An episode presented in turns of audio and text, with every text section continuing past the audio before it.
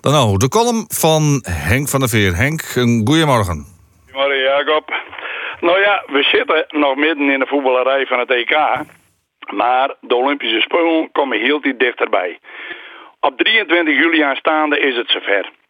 Bij een beetje sneker en een beetje vries kom je dan gauw terecht bij de Olympische volleyballers die het ooit goud won. Jan Postuma en Olaf van der Meulen.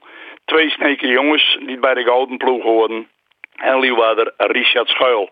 Of je snekers. De eerlijkheid gebied te vertellen dat Jan Postuma eigenlijk een dokkemer was. Het is dit jaar op een kop al 25 jaar geleden dat het trio gloreerde in Atlanta. Dat in een bloedstollende finale de Italiaan versloegen.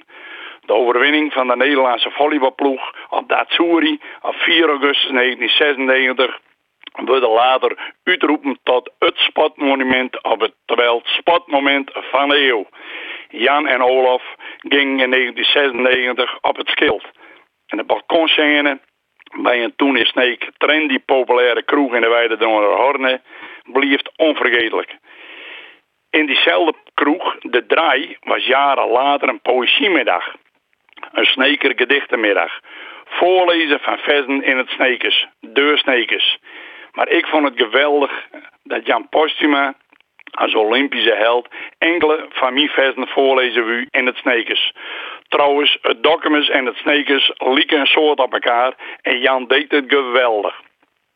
Max Postuma, de vader van Jan, was ook aanwezig. Hij relativeerde Jans literaire optreden rap door te zeggen dat Jan mooi voorlezen had, maar dat Dokkum ook wel wat had. Heerlijk, zijn understatement, de spect met lokaal patriotisme. Jan moest en moet er niet zoveel van hebben als hem held noemen. Nee, Jan gaf die heldenstatus veel liever aan zijn vader. Dat was pas een baas, zeker in Dokkum en omstreken. Ik heb nog een mooi verhaal over mijn oude heer. Uh, dat mag wel uh, van me metnemen. Ik schreef het verhaal over Jansje vader voor op. Om het te bewaren als een soort van heldenepos. Max Postuma was geboren op het stadhuis van Dokkum. Op een zuterige morgen komt er een kerel in de hal van het stadhuis die met alle geweld de wethouder spreken wil. Uiteraard zonder uitspraak. Dat gebeurde toen ook al. Meesten die al razend en schreeuwend hun zin hebben willen. Boorde Postuma zei tegen de schreeuwende man dat hij proberen zal om de wethouder te pakken te krijgen.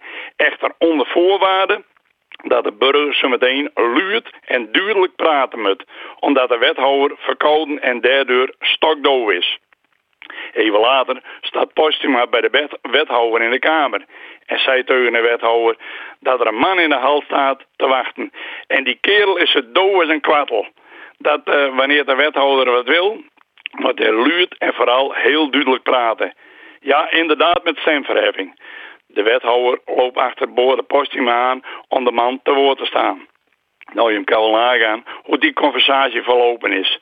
Even later hongen alle ambtenaren van Dokkum over de balustrade om te zien en te luisteren naar twee schreeuwende mannen in de hal van het stadhuis.